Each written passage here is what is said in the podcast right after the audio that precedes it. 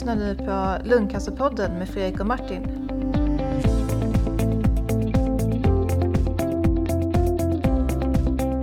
Sådär, hej och välkomna till Lungcancerpodden. Eh, Jag heter Fredrik och eh, jag sitter här med Martin.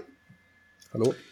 Ehm, Det är så här att eh, Martin och jag träffades för, för någon månad sedan och så kom vi på det här att vi borde starta en lungcancerpodd. Eh, Därför att det känns eh, som det finns så mycket information kring lungcancer och eh, mycket spännande information och, och dela med alla. eh, Och berätta om. Och det är mycket som händer inom lungcancer just nu. Så att eh, det behövs. Och det pratas alldeles för lite om det, får jag bara lägga in. Verkligen. Det, det är ju verkligen, eh, jag menar, en av de, de eh, eh, stora cancerformerna det här. Och ändå så är det på något sätt någon liten, eh, jag vet inte, nästan skäms, eh, skäms ful, fulcancerstämpel på det. Eller. Skämskudescancer, kan man säga. Ja, just det. Skämskudescancer.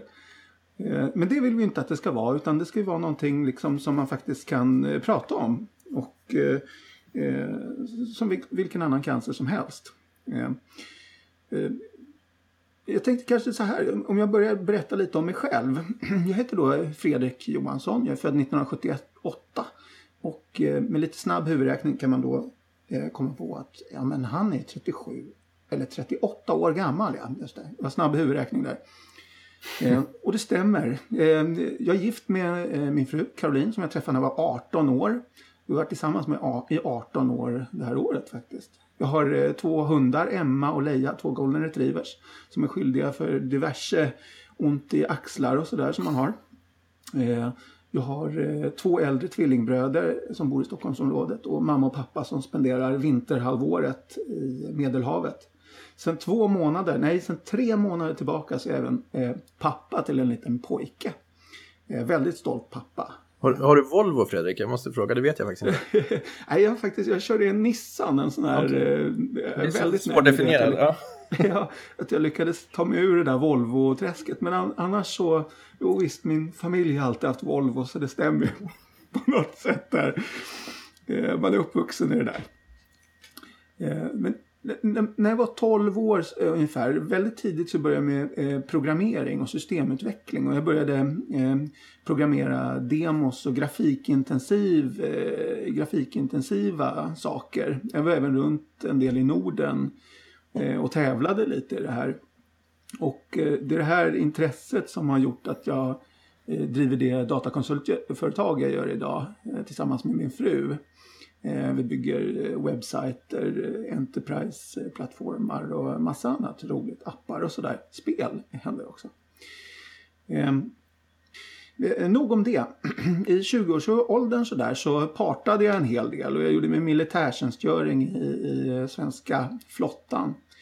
Ehm, jag menar, när man var ung och sådär, då tog man en och annan cigarett någon gång, som alla unga gör. Men jag skulle aldrig definiera mig själv som rökare. Det var här också någon gång som jag träffade min fru Caroline, eller någon gång. Jag var ju faktiskt 19 när jag träffade henne, hon var 17. Ehm, jag höll också på en hel del med styrketräning, bodybuilding faktiskt. Ehm, och eh, även om man inte kan tro det idag när man träffar mig.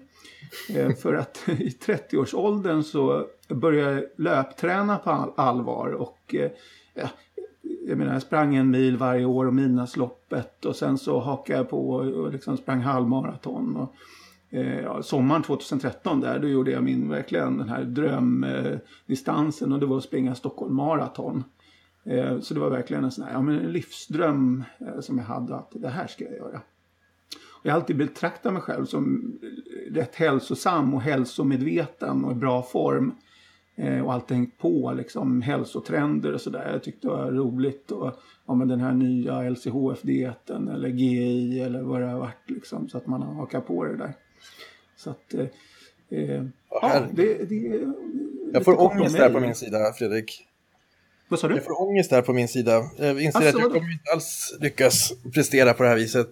Eh, Jag tänkte om jag skulle kontra här med att ge en liten bakgrund till, till mig själv också. Ja, men spännande. Ja. Jag insåg att jag, jag kommer, det kommer inte låta alls lika bra. Okej. Ehm, ja, nej, men, ehm, jag heter ju Martin Sandelin eh, och jag är uppvuxen i Härnösand av alla ställen. Ehm, och hade väl egentligen inga som helst kopplingar till lungcancer alls förrän till för typ tio år sedan eller någonting i den stilen. Och innan dess så var det också så att jag, jag visste nog egentligen inte alls vad jag ville göra. Rökte som en borstbindare till och med på gymnasiet. Det var framförallt för att jag började snusa eh, när jag spelade handboll. För det är ju, sport är ju en väldigt bra inkörsport till nikotin. Åtminstone i Norrland, tyvärr. Verkligen. Ja, eh, och sen så gick det där, jag försökte sluta snusa genom att börja röka eftersom man inte kunde röka hemma. Så tänkte jag att det var bra, men det gick inte. Jag rullade egna John Silver. Jag, jag hade inte ens tänkt på det förrän du sa att du faktiskt hade rökt. Eh, ja, och sen så spelade jag ett punkband på gymnasiet. Tyvärr så var det mera rockstjärnedrömmen än det musikaliska som var, var min, min grej. Liksom. Så att eh, sista spelningen så hade jag faktiskt inte ens mickat upp gitarren för att det var bättre för bandet. Liksom. Att jag mera körde rockstjärnegrejen eh, och inte bidrog så mycket till musiken. Hur som helst i alla fall så eh, efter många om och men så råkade jag träffa också, det var också tidigt, alltså när jag var runt 20 så träffade jag min nuvarande hustru Emma eh, i Prag när jag var där och hälsade på kompisar som var och pluggade tjeckiska, fast mest var det nog för att eh, de tyckte det var kul att vara i Prag ett halvår. Och Emma har bakgrund i Tjeckien, hennes föräldrar, eh, mamma kommer därifrån, så hon var där och verkligen seriöst studerade. Men vi träffades där och sen så efter det har vi hängt ihop. Eh, och det blir också, det var typ 98 eller någonting, så det är 20 år sedan. Ja, just det. Och du och jag är nästan lika gamla. Ja, det är det, precis, det sa jag aldrig, att jag född 76, jag fyller 40 år. Ja. Eh, Oj, men, vilken, vilken, hur känns det att fylla 40? ja, men det, jag tycker det känns rätt okej faktiskt. För jag tror Ja. att det har lite grann att göra med det där att vi skaffade, vi skaffade barn ganska tidigt. Så jag var Mm. väl 28, så min äldsta dotter nu, hon är 12. Så hon är Ja. liksom jättevuxen. Och sen så har vi en, en kille som är nio och en, en tre, femåring har vi också. Okej. Eh, och en hund, en liten rackare, så hon är inte speciellt Doris heter hon. Hon är inte skyldig till några axel, axelskador. Eh, en cairnterrier. Men eh, ja, det, det gör så att det känns som att man är vuxnare än vad man egentligen borde vara när man är 40. Så på det sättet så, så gör det inte så mycket att fylla 40 i november. Mm. Mm. Hur som helst i alla fall, det slumpade sig så att jag råkade glida in på läkarutbildningen eh, i Uppsala. Eh, mycket av en slump får jag lov att säga. Och eh, sen så gick jag igenom den med viss möda och hamnade sedan på lungkliniken här i Uppsala som ett vikariat efter utbildningen. Och då fick jag jobba med världens mest eh, fascinerande patienter och världens mest fascinerande handledare. Eh, och insåg att jag måste få jobba med lungcancer fortsatt. Konstigt nog, för mina kollegor var inte så jätteimponerade över det valet, får jag lov att säga. Eh, men så på det sättet så halkade jag in på det här med lungcancer och sen så blev jag kvar i Uppsala och så har jag jobbat på lungkliniken och nu har jag precis flyttat över till onkologen för jag tänkte jag ska vidareutveckla min onkologiska kunskap. Eh, för det händer så otroligt mycket, precis som du sa. Att alltså det, det är en helt fantastisk utveckling inom lungcancerområdet just nu och, det är så sjukt spännande. Ehm, ja, men så att, och där är vi väl nu. Och då träffades vi och vi bara, vi är ju typ likadana. Jag har Volvo, ingen Nissan. Eh, men också så här, eh, vi började ju snacka och det kändes som att det här måste vi ju snacka tillsammans med flera på något sätt. Dela med oss lite grann av det här, som, för det är så mycket spännande saker som vi kommer på. Verkligen, verkligen. Eh, vad heter det? Jag tänkte på det, jag men, bara som en side, side där. Jag tänkte på det, jag snusade ju också väldigt mycket faktiskt. Ja. Eh, där i, speciellt i militären. Ja, det kan jag tänka mig. På flottan är väl snusning. Ja, ja, verkligen. Flottans glada gossar. Var verkligen eh, det, var det, det man gjorde för att sätta guldkant på tillvaron när man, man eh, stod de där tjuvpassen på natten eller vad det var. Det kan jag tänka mig. Ja. Men du fastnade aldrig i det? I snusning? Ja. Jo, jag var fast i, jag, satt, jag snusade säkert i, ja men säkert tio år. Ja. Alltså, jag var en riktig sån här kedjesnusare och eh, jag hade faktiskt inte reflekterat över det men, men eh, jag, jag för mig hade varit hos tandläkaren någon gång och sen så, ja men eh, det här ser bra ut liksom sådär. Och så gick jag hem och så borstade jag tänderna och så tog jag i så med tandborsten så jag liksom, jag fick loss en del av tandköttet och det bara började blöda som. Och då tänkte jag, nej men herregud, det måste ju vara snusningen som gör att det liksom Eh, man inte har sådär kan vara, jättebra kan vara anledning. Ja. Ja, så att eh, då var det verkligen, eh, då la jag ner det där med snusning. Ja, men jag tror, bara- bara som en kort reflektion här så tror jag att om man fixar att springa en mara, lite grann, vi har ju snackat om det där förut någon gång, att, att det är jäkligt mycket psyke. Mm. Eh, och det är det som behövs när man ska sluta snusa också. Och, och jag har aldrig fixat att springa en mara, kommer förmodligen aldrig tyvärr fixa det heller. Jag är alldeles för liksom, svag mentalt för det. eh, och tyvärr så är det väl det som gör att jag fortfarande snusar trots idogt tjat från mina barn att jag ska sluta. Ja, Däremot min, fru, hon har sagt att jag inte får sluta för jag blir så himla jobbig när jag försöker. Eh, Det är ju det, det är de där första dagarna där, man blir ju som en... ehm, zombie. Helt... eh, Ja, ack, ack. Men du, Fredrik. Ja. Eh, nu så känner jag att jag kanske råkade spoila lite grann här. Vi, vi, vi tänkte ju att vi skulle säga någonting om varför vi Ja. eh, gör den här podden. Eh, och vi har ju sagt att vi träffats och, och jag råkade säga att jag jobbade på, på Akis här med, med, med lungcancer också. Eh, men att, att vi har träffats, vad, vad, hur kommer det sig? Låt mig fortsätta från eh, att jag har berättat om mig själv. Ja, absolut. Eh, jo, det var ju så här 2013 då, där om vi tillbaka nu, vi spolar tillbaka här lite. Ehm, eh, man har varit hälsomedveten och i bra form och sådär. 2013, där, jag hade precis sprungit Stockholm Marathon och kände verkligen att ja, men, eh, här klämmer man ur sig minst en mil om dagen. Eller nej, det kanske är lite att ta i, men, men man gör ett par bra pass i veckan. Och, och känner mig verkligen på mitt livs topp. Eh, Jag har i och för sig förvisso haft lite problem där på våren eh, 2013 att, att liksom med influenser och sådär. Hade två, två um, otäckingar på varandra. Det var rätt tungt att man var liksom tvungen att stanna upp i träningen och jag skulle liksom toppa mig till maran där. Så att, eh, men, men annars hade jag varit i bra form och maran gick bra. Den, det, jag menar, som vanligt på Stockholm Marathon så regnade det minst halva halva loppet. Så att, eh, det fick man stå ut med. Men det gick, eh, det gick bra och vi tog oss igenom det där, både jag och min fru.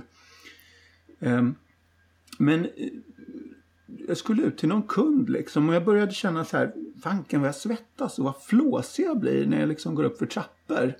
Här var jag van att liksom springa upp för ja, men, tre, fyra våningar trapporna, sådana här runda Stockholmstrappor, stentrappor. Och så helt plötsligt var man tvungen att stanna på liksom ettan och bara ställa sig och var jag liksom helt slut. Så att, Men var det, i eh, sam, var det i samband med influenserna det där? Eller var det... Nej, det, var, det här var liksom efter Stockholm det. Marathon. Så det var, jag hade liksom sprungit Stockholm Marathon, kände målet var nått och sen så hade jag liksom ja, lagt av lite med träningen då och ja, börjat eh, Mm. foka på annat i, igen då helt enkelt.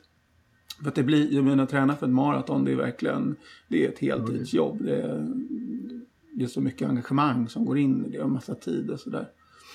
Så men eh, nej, det här var ju alltså på hösten då, 2013. Så att eh, jag var tvungen att liksom stanna i trappor och så. så att, ja, men jag kilade till min, eh, min eh, husläkare, heter det va? och eh, han skickade ner mig till röntgen där eh, på Odenplan. Och då kunde man alltså hitta, då kunde man se där på min högra sida att själva lung, eh, lung, lungsäcken hade dragit ihop sig. Och så hade det blivit sån här vätska mellan själva lungan då och lungsäcken. Eh, pluralvätska heter det. Eh, och det kunde man se på höger sida. Så jag kunde liksom se att ja, men, den här eh, lungan ligger i lungsäcken. Man kunde se att lungan liksom var ja, kraftigt förminskad. Det var som en liten urblåst ballong som låg där inne i hålrummet. Och så Tänkte de lungcancer då? då? Eller Nej, jag, jag kommer ihåg han röntgenläkaren som liksom eh, sa det. Han sa det. Du, eh, det här, Fredrik, det här ser inte riktigt bra ut. Eh, och liksom så fick jag se plåtarna direkt och sa det. Ja, vad, vad konstigt. Ja, men det där är nog ingenting. Det där fixar de på, eh, på eh, Ja. akuten. Så att, åk in till akuten. Nej, och, För det är ju rätt där. vanligt alltså, förlåt, jag bara, jag menar, det, det är inte helt ovanligt att, att, att eh, yngre killar och tjejer i princip då eh, får, får vätska i lungsäcken. Det, och, och det är ju oftast i, i, på grund av eh, ja, något reumatologiskt, någon, någon autoimmun historia eller Mm. någon eh, lunginflammation som har retat lungsäcken eller något sånt där. Så ofta så tänker man ju de termerna. Eh, Just det.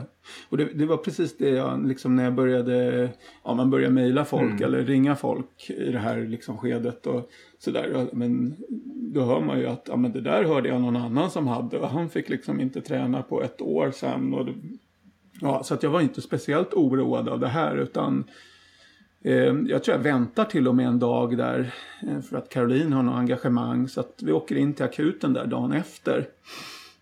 Och eh, då tömmer de den här vätskan. Man sätter sig liksom framlutad över en brits och sen så eh, tömmer de den här vätskan eh, med, med, en nål, eh, en lång spruta då som man drar mellan rebenen och så suger man ut vätskan väldigt försiktigt och långsamt. Jag tror de fick ja, ut en liter eller något sånt där eller faktiskt till och med lite mm. drygt såg ut som eh, ja, någon gul sårvätska. Halvgul brukar man säga att den är. Ja, ja just det. Okej, okay, det finns en term för det. Eh, sen skickade, ja, skickades det där på analys då. Jag fick eh, åka hem. och eh, man hittade ingenting. Men jag kunde liksom se när jag la mig några kvällar efter sådär att eh, när man låg på, på kvällen och liksom tittade på sin bröstkorg att, att högra delen liksom inte reste sig när jag drog in, försökte dra djupa andetag. Så jag kunde se liksom att den, den delen av kroppen ja, funkar okay. inte. Så att eh, jag får åka in då till eh, eh lungallergikliniken eh, på KS och eh, eh, den här analysen den, den, har inte gett någonting men, men ja, man, man, man, ska tömma igen då med en nål. Så jag går igenom den här proceduren en gång till. Att, att man sätter sig över en brits och och ja, de drar in en nål då mellan revbenen och drar ut eh, var, för bara, som Spontant, jag, som jag, man blir lite avtrubbad i, som, i sjukvården. Eh, mm. Och, och jag, jag, har framförallt en, en polare som är, han är ingenjör och komplett liksom, oförstående till allting vi håller på med. Eh, och är alltid mm. chockad när han har varit hos doktorn. Eh, hur kände du? Alltså var det, vi tycker det där är en ganska så bagatellartad liten ingrepp. Men, men att ha någon som sticker en nål i, i, i ryggen på en, hur, hur, upplever man det som, som uh, ung, frisk, uh, vältränad, uh, liksom icke-medicinare? Jo, eh, jag tyckte faktiskt också att det kändes liksom inte nej, något nej. problem sådär. Utan det var mer Mm, nej. Jag vet inte. Jag, jag, jag kände liksom inte att det var något eh, direkt problem. Jag kan tänka mig liksom att om man är liksom lätt mm. eller sådär att att oh, kan jag komma och sitta still eller kommer jag bara vrida mm. mig nu eller någonting. För att det gäller ju verkligen att försöka hitta liksom någon lugn i det där och bara mm. sitta av det där och, och få det gjort. Mm. Så att, eh, nej, men jag litade på, eh, jag menar, det är så himla duktiga läkare där och liksom eh, proffsiga och så. så att, eh, det kändes inte alls att, att det var något konstigt med det här. Och, men sen då i samband med det här, då skulle, visst de skulle analysera den här vätskan igen men, men då, då ligger jag inne några dagar och man gör även en toraskopi på mig.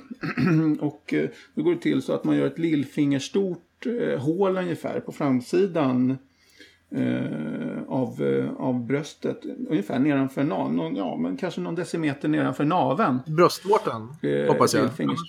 Ja, ja, just det. Bröstvårtan, precis. Eller vad sitter naveln? Ju, då, då, kommer man in till tarmarna oftast. Ja. Beroende på, jag har aldrig sett din navel, men jag tror att om du är norm, normalkonfigurerad hyfsat så brukar det vara så. Ja, ja, det är du som vet sånt där bättre än mig. Men, men det blev i alla fall ett hål där då. Och sen så eh, eh, drog de in en slang i det där hålet och sen så kopplas man in till en apparat, eller som jag gjorde då, som, som hette Oasis. Och eh, den där, eh, det, är väl eh, på något sätt någon sorts dammsugare som liksom suger ut vätska under tid och så ska man ligga med det där i ett par dagar då. Och det som var lite nedbrytande med just den här Oasis-apparaten det var att den satt, i, fast, den satt fast i mm. väggen. Och att man kunde liksom inte ens gå ut och gå i korridorerna eller någonting utan man var verkligen fastpluggad i väggen. Efter några dagar däremot så, så fick jag en ny apparat, en Topaz och det var en liten smidig sak får jag verkligen säga. Det var en, en en handhållen, en, en, ja inte, inte större än en laptop eller faktiskt ännu mindre som man kunde gå omkring med. Så då kunde man helt plötsligt gå till fikarummet och sånt och det gjorde faktiskt en väldig skillnad för att jag, menar, tänker bara gå på toaletten med en, liksom en slang eh, bort i väggen någonstans. Ja, precis, som inte sitter fast i, i liksom kläderna utan som är förankrat i ens kropp och med en slang som fortsätter ja, in. Ja, dessutom. Jag förstår att det, det, måste vara en ganska speciell känsla. Eh, absolut. Och den här mm. lilla eh, topasen, den har ju till och med ganska snygga färger. Den är lite så här eh, vit och lila vill jag minnas. Eh, med handtag. Verkligen, verkligen. Det är, ju, det, det är, ju, det är inget att skämmas för.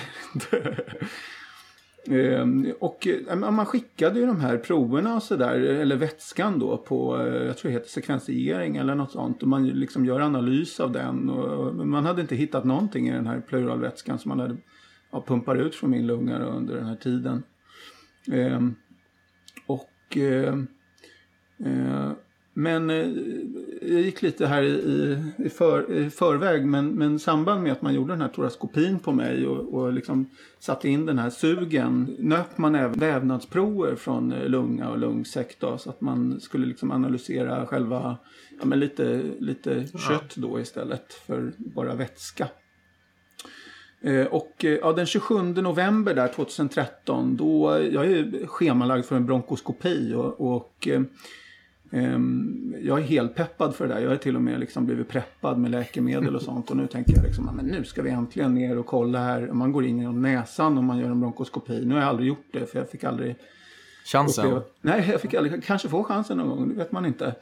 Ehm, men, men, men, ehm, och titta liksom ner i lungorna. Men eh, jag var helt taggad för det där. Jag hade till och med lovat att någon praktikant skulle få liksom, eh, vara med. Eller, och, och liksom, du får gärna köra den där slaggen för min del. Eh, så, eh, verkligen i det läget. Mm. Så att, eh, men då där den 27 november 2013 då kommer min, en tillfällig läkare som jag har där då. Eh, kommer in till mig och säger att Fredrik, din bronkoskopi är avbokad. Och, alltså jag skulle rullat, rullat ut från mitt rum där efter bara någon timme och bara på bronkon. Men, men eh, då sa jag liksom, men vadå, varför det? Jag förstår ingenting. Och då frågar han mig, ja, men Fredrik, hur mycket vet du? Och då sa jag det, att men vadå vet? Jag menar, eh, ja, jag har inte, alltså, jag menar jag har sprungit maran och jag, jag liksom Eh, ja, jag vet att liksom, löpare kan ibland få sånt här liksom, eh, vätska i lungan. Jag har hört andra som har fått det och sånt. Mm. Och, ja, då stänger hon dörren och så sätter hon sig bredvid mig och så säger hon så här att Fredrik, eh, eh, vi har hittat i, i toraskopin att, att eh, du har lungcancer och vi kan inte bota dig. Mm. Eh, och i samma ögonblick så är det ju, jag menar för min del att menar, min värld rasar ihop här. Det är, som, det är som att falla fritt. Om det är någon som hoppar fallskärm någon gång så är det som det här ruset som man har eh, när man liksom kastar sig ut ur planet. Man faller fritt i den här halvminuten. Eh, eller som... Eh, vad? Du har hoppat fallskärm? Ja, har inte du? Nej. Ah, okay. okay, men det var väl häftigt. Ja. Kan rekommenderas. Ja, men då, men, ja det låter som... Ja. Jag, jag, jag, tror jag kan tänka mig suget i magen och, och bara... Ja, den här att man blir så kall liksom. liksom. Ja, ja. Det, där, det där kyliga som kan komma över en. Eller man tittar på en film och så liksom... Eh, jag vet inte vad det heter, men de, de, liksom, om man, de zoomar in på en folkmassa så zoomar de ut helt plötsligt och så ser man hur stor världen är och det där, ja, det där ruskiga liksom. Um, ja, du har bilden framför dig kan jag tänka mig. Ja, verkligen. Ja. Är, jag kan liksom eh, tyvärr gå tillbaka till det där minnet eh, när man vill. Och, och, det är svårt att glömma det där ja. exakta ögonblicket. Mm. Jag menar, den direkta konsekvensen av det här det är ju att man jag menar, det blir ju kaos där på mm. avdelningen förstås. För att, jag menar, sjuksköterskorna liksom visste inte om att jag skulle få beskedet och det blev liksom lite sådär, mm. ah, det, det, blev lite, ah, nu ska han få veta det här liksom egentligen eller nu har vi precis fått reda på det och sådär. Och, och, och, det liksom, det, det, blev inte riktigt planerat och det, alltså, antagligen är det så här att det går aldrig att ge ett sånt här besked på ett bra sätt. Jag är övertygad om att det är liksom det måste vara det svåraste man någonsin kan göra och liksom eh, berätta något sånt där livsförändrande för någon annan. Så jag, eh, jag vet inte liksom hur det skulle kunna göras på ett bättre sätt. Man, man kan säkert planera och liksom ha en plan att först ska vi liksom göra det här och sen det här och sen det här och sen det här. Men beskedet ska ändå komma. Mm. Men var det, en, det var bomb liksom, blixt från klar himmel? Du hade inte fått någon hint eller? Nej, eller så hade jag varit så blåögd ja, för det och liksom eh, förkastat liksom att det kan ju inte vara det här i alla fall. Så att, eh, mm. eh, men nej, jag kände verkligen så att jag hade liksom ingen, det var verkligen oförberett. Det var som en smäll från sidan mm. verkligen. Mm. Ehm, så att, eh, ja, den direkta konsekvensen av det här, det, jag menar man får ringa sin, jag fick ringa Caroline liksom och säga, mm. men herregud, här man springer maraton och liksom, jag har lungcancer, det här är, liksom, jag kan inte botas. Mm. Jag är obotbar. Mm. Men min fru kommer till sjukhuset direkt, mina äldre tvillingbröder kommer. Menar, mm. Mina föräldrar blir väldigt, väldigt ledsna i telefon. Och det, jag menar, tappa telefonen. Och, jag menar, jag, själv får jag gå på sömnpiller den närmaste månaden bara för att liksom hitta ro och kunna sova. Det, jag menar, det här är en, en eh, livsomställning verkligen. Ja.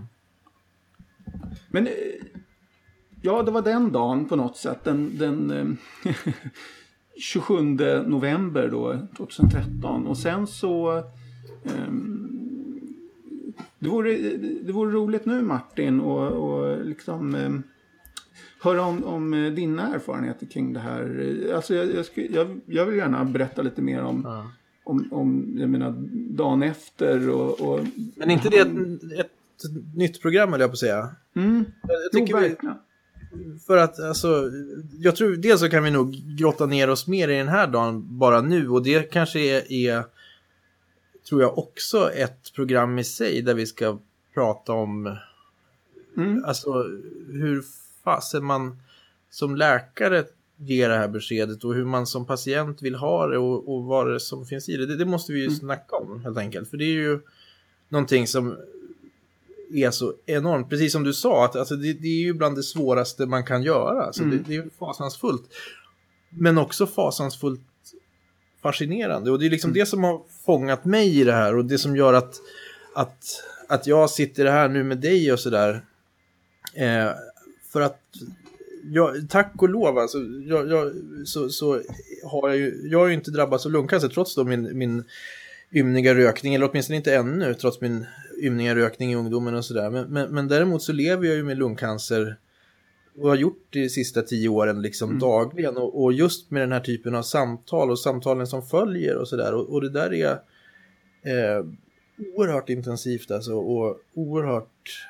Det, det är ju samma typ av träning som för, för mig så, som det innebär att vara nere på akuten och göra hjärt-lungräddning eller vad som helst. Va? Det, är, det är ofta sånt man tränar på inom sjukvården. Men, men, men det här med samtal och att, att ta samtalet och informationen på det allvaret. Det tror jag är någonting som ibland glöms bort och som man kanske måste ha ett speciellt intresse av. Och just det intresset har ju varit det som har dragit mig mycket till och initialt så var det helt och hållet det som drog mig till lungcancervården för att då hade vi så pass förhållandevis eh, dåliga möjligheter att, att hjälpa. Det, det har utvecklat något alldeles enormt sedan jag började. Mm. Från att ha, ha, varit liksom framförallt en, en palliativ medicinare så har jag ju gått till att bli liksom i allra högsta grad en aktiv behandlare och, och forskare. Alltså. Och palliativ, eh, vad menar man med det? Ja, och det är ju också ett eget program tycker jag. Mm. Eh, för det, den, den definitionen är ju nästan, finns nästan lika många som antalet eh, antalet läkare och patienter tror jag. Eh, traditionellt sett så, så brukar de flesta ändå förknippa palliativ, palliativ vård med, med verkligen livets slutskede. Men, men inom onkologin så pratar vi om palliativ vård egentligen från och med att vi börjar behandla en tumör som vi inte tror att vi kommer kunna bota. Så det är ju i princip att vi ger extremt aktiv behandling i en palliativ fas. Mm. Eh, det, det som är roligt nu kan man ju säga är att vi börjar bli mer och mer osäkra på vad som är palliativt och inte för att det börjar faktiskt komma behandlingar nu som, som kan leda till att vi kanske har patienter som blir kroniker eller som kanske till och med blir av med sina tumörer. Så att den definitionen blir mer och mer flytande. Men tidigare så var det ganska, ganska enkelt att säga om man hade en kurativ eller en palliativ intention. Och vad är skillnaden på obotbar och kronisk egentligen? Ja, det, där återigen ett, ytterligare ett program, för det är ju i princip eh, filosofiska frågor. Det där diskuterades av en, en höjdare inom lungcancervärlden som heter Tony Mock på en, en stor kongress för några år sedan, just att, när vi, att vi måste börja fundera på de där begreppen. När har man botat en cancer och när, när är den kronisk och när... Mm. Är, är det så att om man lever i fem år så har man en botad cancer, men där vet vi att det är många som lever i fem år som har en aktiv cancer men som är mer åt det kroniska hållet. Mm, mm. Eh, där är det väl så att målet naturligtvis är att kunna bota men, men en del av målet och det kanske mest sannolika delmålet på vägen dit är ju att man, att man lyckas göra åtminstone en större andel av eh, cancerformerna till kroniska mm. cancerformer där vi kan behandla under lång tid och, och ha tumören i schack, alltså motsvarande HIV-behandling eller andra diabetes eller eh, mm. ja, den typen av... Jag menar, som verkligen hiv och diabetes som du verkligen säger, det är ju, jag menar, det är fantastiskt. Diabetes, det liksom, lever man med idag mm. utan att det liksom är någon, någon eh, skillnad på, ja det är klart att det är stor skillnad på livet och det är olika typer av diabetes. Så, men, men man det viktiga är att man kan leva med det om man liksom eh, tar sig hän lite. Och, eh, och samma med hiv. Det är ju också en fantastisk med en sån här sjukdom som eh, man verkligen gick under av i början på 80-talet. Och sen i slutet på 80-talet så började det liksom glimta ljus i den där tunneln. Och där har vi liksom folk fortfarande som lever. Ja, ja nej, men precis. Och jag, menar, jag känner mig ju tämligen övertygad om att det är där vi kommer hamna för delar av, av inom lungcancerområdet då, så kommer vi vara där inom, kanske redan är där, det, det kan vi inte riktigt avgöra än, men eh, inom delar av lungcancerområdet så kommer vi att vara i, i, i, den situationen inom fem år skulle jag säga, lätt. Eh, och, men sen då gäller det att få så många som möjligt av patienterna att, att kunna få tillgång till den typen av behandling. Och jag tycker det är jättespännande det här med, eller liksom, jag menar som patient själv, att eh, lära sig mycket om sin sjukdom och liksom, eh, ja, absorbera så mycket information som möjligt. Och, eh, och, och, mm, jag menar, det första man, man, eller den vanligaste kanske, det är att man tror att lungcancer är en enda sjukdom. Mm. Men att det faktiskt är, alltså det har kommit fram nu de senaste liksom, kanske tio åren eller vad vet jag egentligen. Men, att det är flera olika eh, typer av sjukdomar. Att, speciellt inom eh, en gen som heter, nu går vi allting i förväg, men icke-småcellig mm. lungcancer så är det liksom väldigt eh, förfinat att man kan ha den här mutationen och den här mutationen och man kan liksom, den här varianten. Och, och det där skulle jag också vilja eh, jag menar, eh, ägna verkligen ett avsnitt. Eh, det ska vi göra tycker jag. Jag tycker vi bjuder in några som är riktigt vassa verkligen, på det där. Verkligen. Får vi snacka igenom det och verkligen gå till botten med det. För det, det, tror jag, det, det blir allt mer avgörande också för vad man kan förvänta sig för behandling och vad man ska kräva för behandling och, och vilka ytterligare utredningar man behöver göra och så mm. vidare. Mm. Och det där, än så länge så är det väl så att det drivs, vi är så pass nya i processen så att, så att det är fortfarande kanske huvudsakligen universitetskliniker och så vidare som driver eh, behandlingarna längst så att säga. Men, men det måste ju ut till även sjukvård överallt i, i mm. Sverige. Mm. Det, ja, så det är viktigt att medvetenheten finns tror jag. Verkligen. Okay. Men du, eh, jag tänkte, alltså vi har ju kommit in här lite grann på framtida program och sådär. Mitt min ambition är att vi ska ta med tusan göra de där programmen också. Det här är liksom ett stolt pilotavsnitt. Eh, och, och, vi har ju idéer för 30 podcastar framöver här. Jag vet inte, min hustru kommer bli tokig på mig. Eh, men, men eh, som sagt, vi, jag tycker det känns som ett extremt viktigt forum som, som det här erbjuder. Och, och eh, jag tänker lite grann som jag ser på det här nu framöver så, så tänker jag att alltså, när jag har träffat dig så är det ju som att träffa en gammal polare. Verkligen, Liksom. det känner jag också. Eh, en snubbe Mm. liksom, som man snackar och tjabbar. Jag tänkte liksom, jag tänker inte vara, vara Dr. Sandelin i det här programmet, utan jag tänker att jag ska vara Martin som kan en hel del om lungcancer, men som är oerhört intresserad av att lära sig mer från alla möjliga olika ingångar. Alltså, och inte minst just den här ingången som jag sällan kan ha i jobbet tyvärr, då, att, att sitta och snacka med någon som faktiskt pratar med mig som en, en snubbe också. Just det. För det, det finns ju ett sån dimension i vården att det ofta blir liksom patient-läkarrelation på gott och ont. Sådär.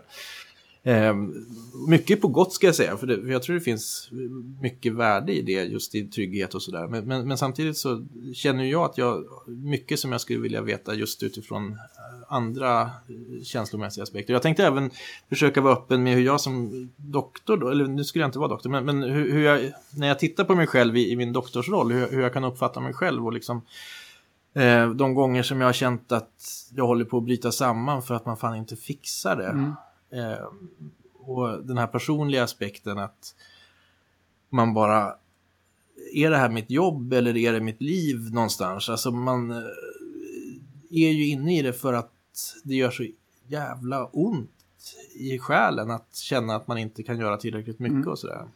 Det är sånt som jag, och jag, menar, jag känner liksom, jag hoppas att kanske kunna bli riktigt emotionell någon gång under den här serien. Jag hoppas att kunna ingjuta hopp, för att det där kanske inte lät så hoppfullt att man hela tiden är så eh, deprimerad. Men ofta så finns det ju en jäkla massa hopp också och det, det kommer mycket hopp och det ska vi se till att belysa också. Verkligen. Jag menar, eh, bara det här... Eh, jag är även styrelsemedlem i Lungcancerförbundet Stödet. För jag engagerade mig väldigt tidigt i det här och det tycker jag liksom att eh, om, man, om man kan och har möjlighet att göra det så gör det. För att det är verkligen eh, fantastiskt att komma i kontakt med så många liksom, bra människor som gör bra saker och försöker göra bra saker. Och, eh, I alla fall här har, har liksom en av eh, de delarna jag har fått göra det är jag blivit inbjuden av bland annat European School of Oncology eh, och varit nere Ja. i Genève och, och på den här stora europeiska lungcancerkonferensen och berättat om,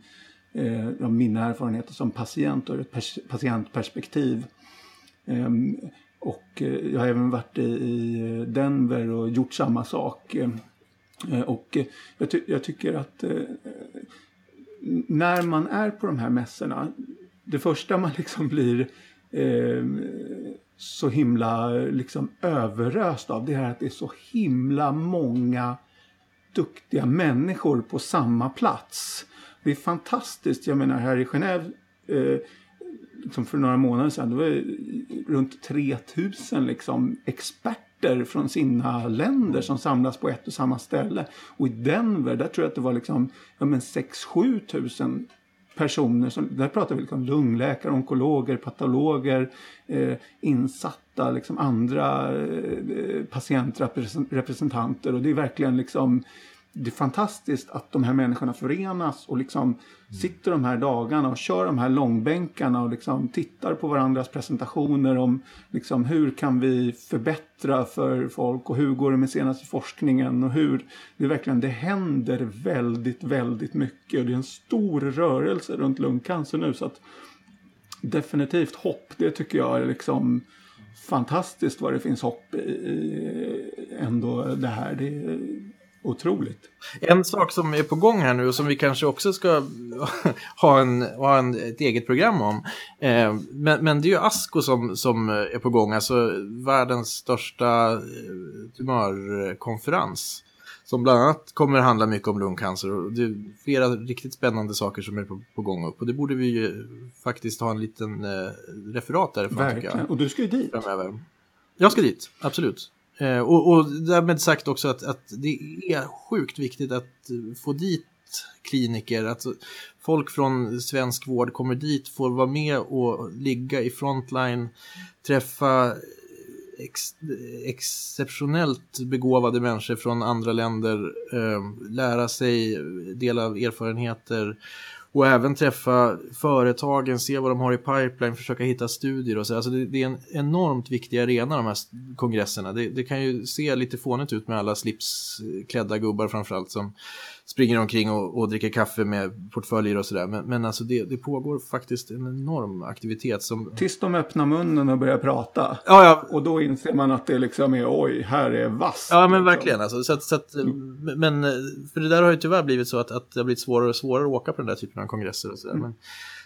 Jag slår ett litet slag för det, att, att det är definitivt i, i allas intresse att, att folk kommer iväg på det där. Verkligen, att, att liksom våra svenska läkare och, och, och, patologer och sköterskor blir liksom... Och patientrepresentanter om jag får säga det också, just för att alltså, nej, men, det, det, det, är en otroligt viktig, menar, det, det är det som är, tycker jag, den viktigaste drivkraften i det här och att, att det, det, är ju därför vi kämpar så in i helvete liksom. Eh, och, och, det är viktigt att bli påminn om det, att det inte bara handlar om att få ut ett pek och att inte bara, utan liksom vad är det som vi egentligen kämpar för och varför ska det här gå snabbt? Jo, det är ju för att de personerna som faktiskt har den här sjukdomen nu ska kunna få tillgång till nya preparat, de preparaten som finns ofta. Mm. Men det gäller att få, få hit studier och sådär. Studier är någonting som jag också tycker vi ska prata om, för det är också en, en eh, spännande och, och lite, eh, lite ojämlik eh, del av vården, alltså där, där, vissa större kliniker har möjlighet att driva studier, men där det kan vara svårt att från andra regioner och sådär komma in och, och få åtnjutande av de här studierna. Där behövs det en bättre nationell samordning. Det måste vi diskutera det, det är jättespännande med, med, med just studier. Att, att en patient hela tiden kan få möjligheten att jag menar, använda det senaste, absolut senaste läkemedlet som, ja det är inte testat men det liksom finns någon som har en hunch att det här kan gå bra eller liksom att bara få, få den möjligheten, att, att den chansen. Det måste ju ges till fler patienter. Det finns ett amerikanskt sjukhus som heter vad heter de, Memorial... Sloan Kettering. Ja, just det. Precis. Så deras ambition är väl att alla patienter med lungcancer ska gå på studier hela tiden. Läste jag någonstans. Så det, det liksom känns ändå som en rätt eh, häftig inställning att liksom, ja, men alla ska ha det senaste hela tiden. Jo, det är ju, alltså om man ska vara krass då, som det har sett ut tidigare i, i lungcancer området så har det ju varit så att om man inte går på studie då, då är det tyvärr så att prognosen är urusel mm. för många. Eh, sen så har vi alltid de som, som har specifika eh, sjukdomssubtyper och sådär som, som har bättre prognos. Men, eh, och, och, det är det som är så viktigt att vi har de här studierna för att det är där vi faktiskt har möjligheten att, att göra en riktig skillnad. Och även om, om det kanske inte är så att eh, en enskild studie kommer att lösa problemet så, så kommer vi med att ha många studier så kommer vi hela tiden närmare och vi ger människor chansen att, att faktiskt kanske vara med om den där banbrytande grejen. Så det är liksom bara hopp, hoppperspektivet i studierna, i studierna är viktiga tycker jag. Verkligen. Jag menar, det finns så himla många ämnen verkligen. Och eh, jag läste, eh, eller det har vi alla sett här i nyheterna kanske de senaste dagarna, att eh, cancer, lungcancerforskningen i Sverige har fått en rekorddonation. Och det är en affärsman alltså som heter Bengt Sjöberg som skänker 2 miljarder. Alltså 2000 miljoner kronor eh, till forskning och behandling inom främst lungcancervården.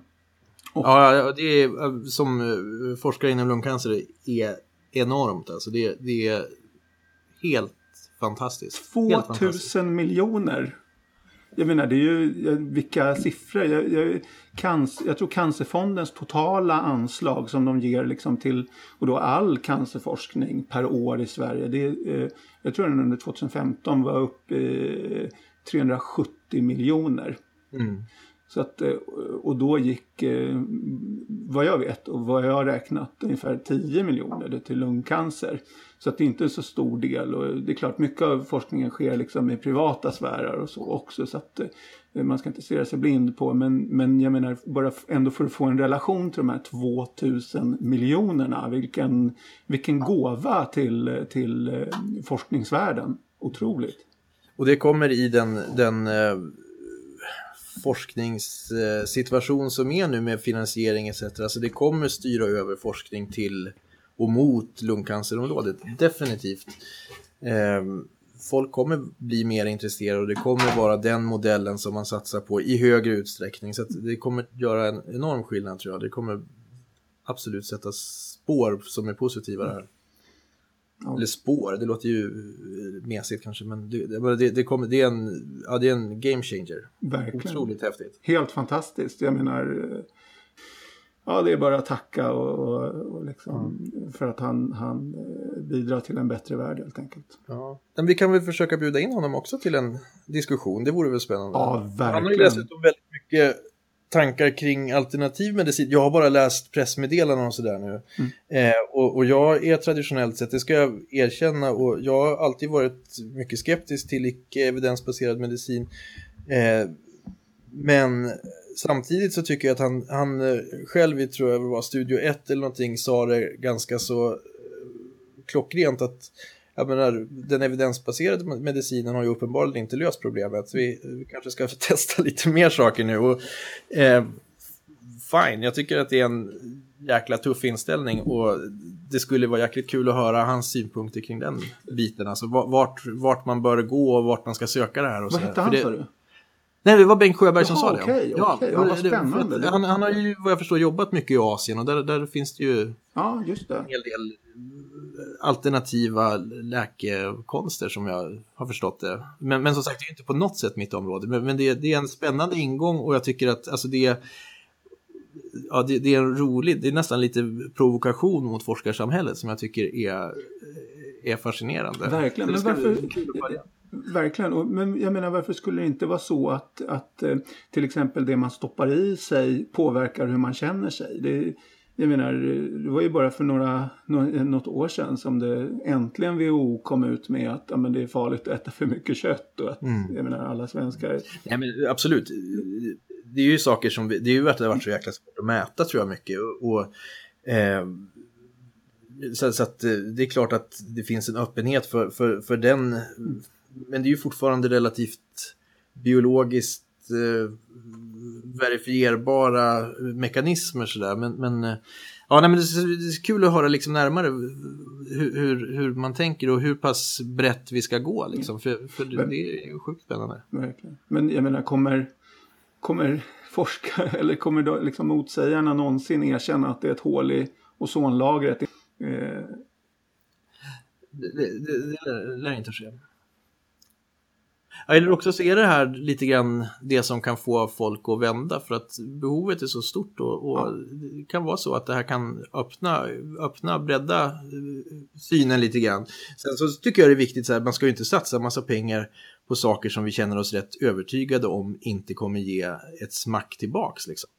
Det, det, det vore ju ett, ett otroligt fel och ett hån mot dem som verkligen är i behov av saker. Så det är klart att vi måste, man, det får inte bli någon jäkla Eh, sökande efter liksom att försöka twista till saker för att, eh, för att.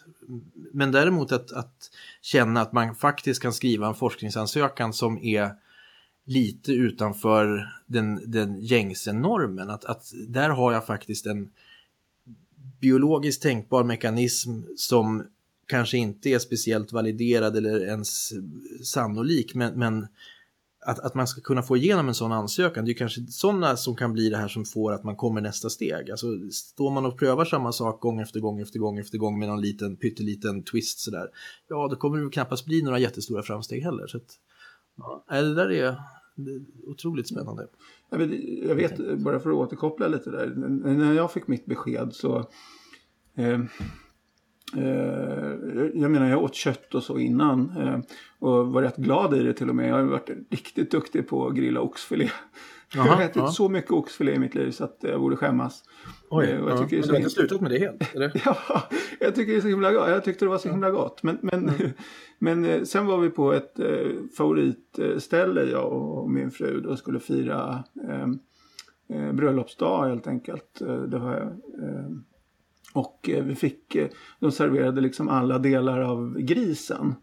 Mm. Ja, det var liksom... Var det på djuret för övrigt? Ja, precis. Djuret Ja. Och, alltså, och det var alltså, ja men det var fläsklägg och så var det liksom någon, liksom, Kind. ja, ja precis, hela det där paketet liksom. Och då kände man att nej, jag kanske skulle ge upp det här med kött. Mm. Och, och samtidigt då var jag liksom, ja jag var fyra månader efter det här beskedet. Så att, eh, och jag hade liksom börjat läsa rätt mycket om, om många som hade liksom eh, ja, blivit vegetarianer eller veganer. Liksom på grund av hälsofördelarna då med att inte äta kött och mjölkprodukter. Så att, nu ska inte jag bli partisk här på något sätt. Men, det är Men du är nu eh, köttfri? jag är eh, officiellt vegan och inoff- ja. inofficiellt då så äter jag en och annan bit sushi ibland för att jag tycker lax och räkor det är ju så himla gott. Så att, eh, men, You naughty boy. ja. men jag äter inte gris och jag äter inte ko och eh, mjölkprodukter Okej. håller jag mig undan från så mycket jag kan. Då. Men eh, jag kommer aldrig kunna bli någon liksom riktig sån här supervegan. Eh, Det, det, Ja, Konstigt. ja. ja nej, men det var ju en ganska rolig historia där. Kul om, om eh, djurets ägare lyssnar på oss. Jag vet inte, finns den kvar den restaurangen? Jag var där på svensexa en gång i tiden. Ofantligt god mat. Mm. Jag blev ju... Jag drabbades ju då inte av den här äh, idén att jag skulle sluta äta kött, utan för mig var det mer att jag sa, jösses vad gott man kan göra det här. äta mer kött. Och jag tror att det kan vara liksom lite grann tanken med deras restaurang, att man ska förstå hur jäkla gott och häftigt det kan vara, om man, även om man gör lite suspekta delar av djuret. Så att säga. Ja, ja precis. Jag, jag tror det liksom antingen slår det åt ena hållet eller så slår det åt andra. Eh, men men nej, jag tror jag var inne liksom i en, jag hade precis börjat läsa om liksom, ja, Ja, men, allt det här med kött och hit och dit. Så att, eh, Ja, herregud. Nej, jag känner mig verkligen syndig. Jag satt där och sög ur märg i benen liksom och var alldeles glansig i ansiktet. ja. Eh, Och nu, just för tillfället, bara som en liten personlig parentes här, så har vi precis kastat ut hela vårt kök i någon form av intention att renovera det. Eh, varpå vi bara har en grill som kök för tillfället. oj! Eh, vilket, ja, man kan ju faktiskt grilla andra saker än kött, men, men eh, det blir ganska mycket just nu. Så vi får, ja, vi får se hur det går för mig, helt enkelt. ja, just det. Just det. Eh, ja men vad kul, det vore roligt. Jag menar, det, vi har ju som sagt eh, fått eh, jag menar, massvis med teman och det vore så roligt att prata med jag menar, eh, anhöriga och, och, och liksom eh, ja, influensan och det, jag menar det finns så många ämnen eller liksom folk ur andra länder hur liksom det ser ut där och så men men ä- även att få in eh, jag menar lite feedback och, och kontakt från, från eh, de som lyssnar. Det, verkligen. Mm. Det, det skulle ju vara så himla kul. Eh, Vi kanske ska ha något litet frågelåda någon dag också. Ja, just det. Ja, verkligen. Och, och, det vore en riktigt bra idé, Det verkligen. vore jätteroligt. Ja. Men, men också alltså, förslag på teman tycker jag också skulle vara kul. För jag, det märks ju när vi sitter och funderar på teman. Eh, dels så är det inte så svårt att hitta på teman. Eh, du har ju kommit på en hel radda och jag har också lyckats spotta ur mig några stycken. Eh, men, men man ser ju att det är lite olika ingång. Eh, och det skulle vara jättekul att se ytterligare fler ingångar på, på de här temana. Eh, jag har ju en tendens att bli lite stelbent eh, medicininriktad sådär. Men jag har också en jättestor önskan om att, få in det här eh, dis diskussionen och, känslan av eh, hur pratar man utanför läkarrummet liksom. För det är ju där jag oftast är. Mm. Eh, Men men att få ha, ha en dialog mellan flera som har anhöriga och patienter och ja, något sånt skulle ju eh, är ett tema som just det här, hur, vad, vad pratar man om utanför när man går ut Ja. från doktorn eller innan man går in till doktorn? Ja, just det. Och precis det här liksom, hur kan... Eh, nu är det lite grejer på gång eh, om standardiserat vårdförlopp och eh, det kan man ju också prata om säkert och, och Mm. liksom hur man ska ge ett cancerbesked och, och, och liksom vad cancerpatienten ska få tillgång till för eh, personer och hur det liksom ska fångas upp vissa delar och så. Och, ja, men, får man en psykoterapeut och får man en kurator och får man liksom eh, träffa en dietist och eh, massa av de här delarna är ju så intressant att prata om som liksom hänger lite utanför vården på något sätt men som ändå det tar ju upp rätt mycket av ens fritid eftersom ja, det är där man är annars liksom när man inte Absolut. Ja. Ja. Också lite grann tycker jag, du var inne på att du var engagerad i stödet. Eh, och där att, att kanske prata med andra, för stödet har ju haft problem, får man lov att säga, i, historiskt i alla fall. Att det har varit svårt att få liksom, stödet att riktigt bära. Och det har ju att göra delvis med, med, med den prognos som vi, vi dras med inom lungcancer. Delvis. Eh, men, men där, det håller ju på att förändras och jag tror ju att stödets roll kan inte underskattas. Det är liksom så himla viktigt både för patienter och anhöriga men inte minst som en påtryckande kraft om man ser, alltså patientföreningen inom andra sjukdomsgrupper har ju en jättestor roll att spela i liksom kvaliteten och sådär. Den diskussionen kanske med andra patientföreningar skulle vara spännande. Verkligen, också. jag menar se på vad bröstcancerrörelsen har gjort för bröstcancer. Mm. Det är otroligt vad, vad, vad långt de har kommit och vad när man har personer som kan liksom engagera sig och representera eh, lungcancer på rätt ställen. Se till att vi liksom aldrig, eller alltid de som syns på alla möten var än mm. är. Att det är liksom, ja men där är de från Lungcancerföreningen Stödet. Mm. Ja, stödet.se förresten om ni vill gå in och titta på internet. Eh, och liksom sitter med på de här mötena, representerar och liksom träffar eh, ja, men läkare eller på någon liksom, eh, onkologdag eller ute och snackar eller liksom alltid syns och alltid försöker påverka och, och liksom jag får ner eh, ledtiderna på införandet av nya läkemedel eller någonting. Så det behövs mm. verkligen en sån här organisation som eh, där liksom, ja, eh, folk jobbar för det här. Och det, det, behövs fler medlemmar och fler som engagerar sig också som, mm. som som eh, har möjlighet att liksom eh, riva i det här. För alla jobbar, alla inom stödet jobbar ideellt med det här. Så det är mycket av ens fritid som går på att mm. springa iväg på möten. Jag jobbar ju fulltid nu också förstås. Mm. att man liksom bara bryter det här och, och ser iväg på något möte och så eh, handlar det om lungcancer i ett par timmar mitt på dagen. Så att, mm.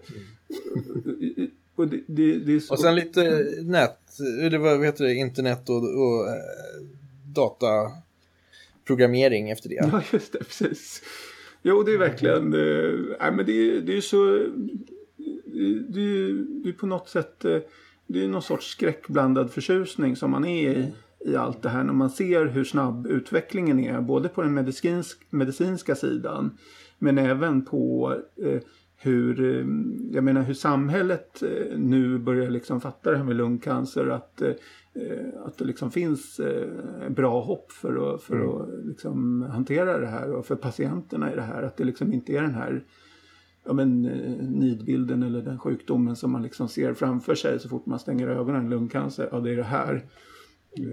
Nej men absolut, och där tycker jag också att vi, vi kan vi inte försöka ta och, och kontakta några sådana här riktigt riktiga långtids, alltså där, där det börjar bli liksom, man börjar nästan närma sig den här kroniska sjukdomen. Det mm. finns ju de som idag går med lungcancer under 5-10 år, alltså där, där, man, där man har lärt sig, menar, det, det, måste ju vara en oerhört speciell eh, tillvaro, för man har varit dödsdömd så otroligt många gånger kan jag tänka mig på den här resan. Och, och sen så har man, den, de historierna skulle ju vara jäkligt kul att ta del av tycker jag. Det vore verkligen roligt att, att eh, få in de här patienterna. Jag menar, vi har ju sådana i stödet som har liksom mer än tio år också på nacken och liksom har levt med det här. Så att eh, mm. några av dem mm. Man får lite grann en historisk eh, exposé också för att alltså, i lungcancervärlden så är tio år av vårdutveckling enormt mycket också. Alltså 2006, så det var i princip då jag, eller 2008 blir det väl, 2008 det var då jag, jag började göra min specialisttjänstgöring då på lungkliniken i Uppsala. Och, eh, som sagt var, jag gick ju in i den i tron och, och förhoppningen också, och förvissningen om att jag skulle arbeta med palliativ medicin. Alltså att jag, jag skulle nog inte bota speciellt många patienter, men eh, på vägen så har det skett en enorm skillnad och liksom bara sättet som man kan prata med, med de patienter man möter har ändrats något alldeles enormt. Att jag kan ge en helt annan hopp och stå för det nu än mm. vad jag kunde göra då. Eh, så, så, jag kan tänka mig att det är någonting som också har satt, sina, satt, satt avtryck i de här personerna som nu finns kvar i livet och kan må bra och, och, och har upplevt hela den här historien. Det är mycket, tror jag, paralleller till det, det man tidigare har hört från den här utvecklingen kring 80, mm. i, under 80-talet med HIV och så.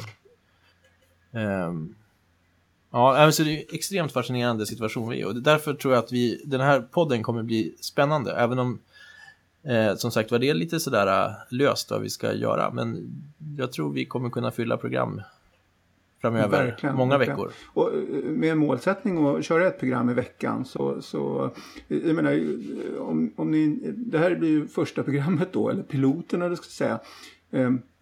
Och eh, alla program kommer finnas tillgängliga på lungcancerpodden.se och lyssna på direkt i sin dator. Eller om man har en eh, eh, någorlunda bra telefon så kan man även liksom lyssna på den där när man sitter på tunnelbanan eller ska, ska, sitter och ute och åker på landet eller någonting. Och jag tänkte vi kan väl passa på att säga det också, det står säkert på hemsidan också, men alltså vi kör, det här är ju en helt ideell grej som du och jag har satt igång. Eh, I dagsläget så har vi absolut ingen som helst sponsring eller reklam eller någonting i den stilen, men det är väl inte direkt tanken att vi ska ha eller möjligen något form av stöd från någonstans kanske, men inte, vi, vi är obundna. Det, det känns viktigt att säga. Det vi pratar om är liksom fritt från påverkan av andra. Just det. Men absolut. Ehm, ja, men det ska bli, som sagt, det ska bli verkligen jättekul och, och, och göra de här avsnitten och liksom eh, de här säsong efter säsong efter år efter årtionde efter årtionde. Ja, tänk när vi sitter om 30 år och gör liksom, eh, någon, du kan göra en 30-års special eller någonting. Ja, just det. Ja. Den måste vi Ehm, börja planera. barnen börjar, ja, jösses, de är, de är äldre än vad jag är om 30 år. Ja. Ehm, för egen del i varje fall. Ehm, och ehm, ja, de, de, ja, det, det kommer, de kommer åka omkring med sina såna här hoverboards och grejer. Just det. Ehm, Riktigt tillbaka och, i och vi framtiden. sitter på något hem med robotar som tar hand om oss liksom. Men det ska bli spännande, jag ser fram emot det. Verkligen, verkligen. Och man är väl knappt pensionerad om, om, om 30 år i och för sig. Eh, ja, strunt samma.